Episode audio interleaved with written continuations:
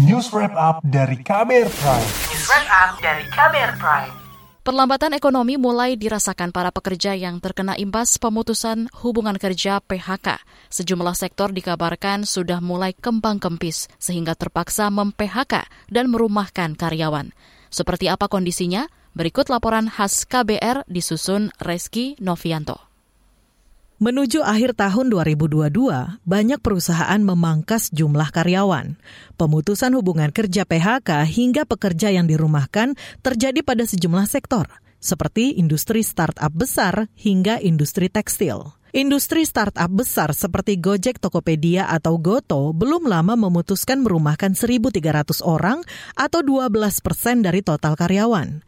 CEO Andre Sulistyo mengatakan keputusan itu dilakukan manajemen karena adanya tantangan makroekonomi global. Setali tiga uang dengan Goto, perusahaan berbasis digital Shopee juga dilaporkan kembali melakukan PHK untuk ketiga kalinya. PHK gelombang ketiga hanya berselang dua bulan setelah Shopee merumahkan ratusan pegawainya pada September lalu.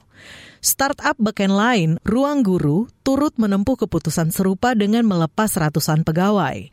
Perusahaan beralasan PHK dilakukan akibat kondisi pasar global. Di sektor tekstil, Asosiasi Pertekstilan Indonesia API mengklaim ada sekitar 30 ribuan pekerja sektor tekstil dalam negeri yang terpaksa dirumahkan. Sekjen API Rizal Tanzil Rahman membantah jika perusahaan disebut melakukan PHK.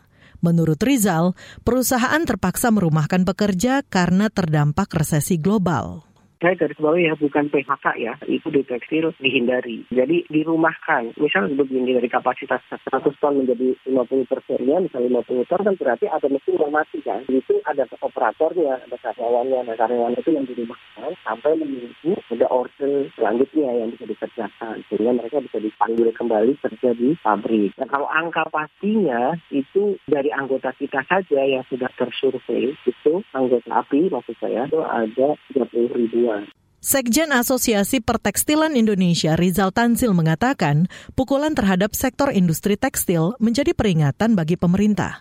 Ia mengatakan, industri tekstil merasakan langsung dampak resesi karena banyak memasarkan produknya ke luar negeri. Menanggapi situasi ini, pemerintah berjanji akan memperhatikan secara seksama fenomena badai PHK yang terjadi di sejumlah sektor industri. Menteri Keuangan Sri Mulyani Indrawati mengatakan akan berkoordinasi dengan kementerian lain seperti Kementerian Ketenagakerjaan dan Kementerian Perindustrian. Ini juga nanti masih akan kita uh, perhatikan secara lebih detail fenomena dari relokasi dari uh, posisi manufaktur di Indonesia, terutama dari daerah yang relatif upahnya tinggi ke daerah yang relatif upahnya rendah. Sehingga ini juga mungkin terlihat PHK di satu daerah, namun mungkin muncul kesempatan kerja di tempat daerah yang lain. Badai PHK dan dirumahkannya pekerja di sejumlah sektor industri memantik perhatian kalangan parlemen.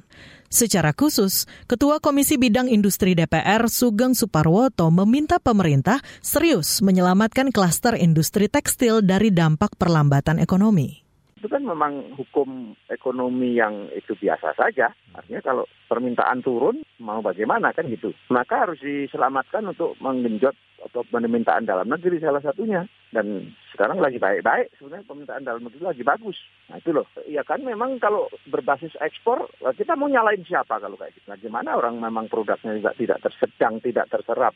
Sugeng mengatakan pemerintah bisa mengarahkan agar industri tekstil menyasar pasar domestik. Menurutnya, permintaan tekstil dalam negeri sedang meningkat. Di lain pihak, pakar bisnis Reynald Kasali mengatakan efisiensi berupa perampingan karyawan di sektor industri startup tak ada hubungannya dengan resesi ekonomi global. Ia mengambil contoh Goto dan Ruang Guru. Ia menyebut pernyataan sejumlah pihak sebagai tindakan gegabah menyebarluaskan ketakutan resesi yang seakan-akan sudah di depan mata. Semua orang menggunakan jasa mereka. Tetapi apakah itu sustain? Yang pertama mungkin bakar duitnya secara berlebihan. Kalau bakar duit secara berlebihan, ini yang terjadi. Kompetisi di antara mereka. Yang kedua, ruang guru produknya kalau menurut saya memang ya ini agak kurang sustain. Bayangkan siapa yang mau kursus dan kemudian berkelanjutan memanfaatkan kartu prakerja pada masa itu. Dan kemudian sekarang kita lihat kursus-kursus gratisan ada di mana-mana. Jadi ini adalah masalah model bisnis, masalah kecocokan. Data Badan Pusat Statistik BPS mencatat, tingkat pengangguran terbuka TPT Indonesia pada periode Agustus lalu tercatat 5,86 persen atau sebanyak 8,41 juta orang. Angka tersebut lebih rendah bila dibandingkan periode yang sama tahun sebelumnya yang mencapai 6,49 persen atau 9,1 juta orang. Laporan ini disusun Reski Novianto. Saya Aika Renata.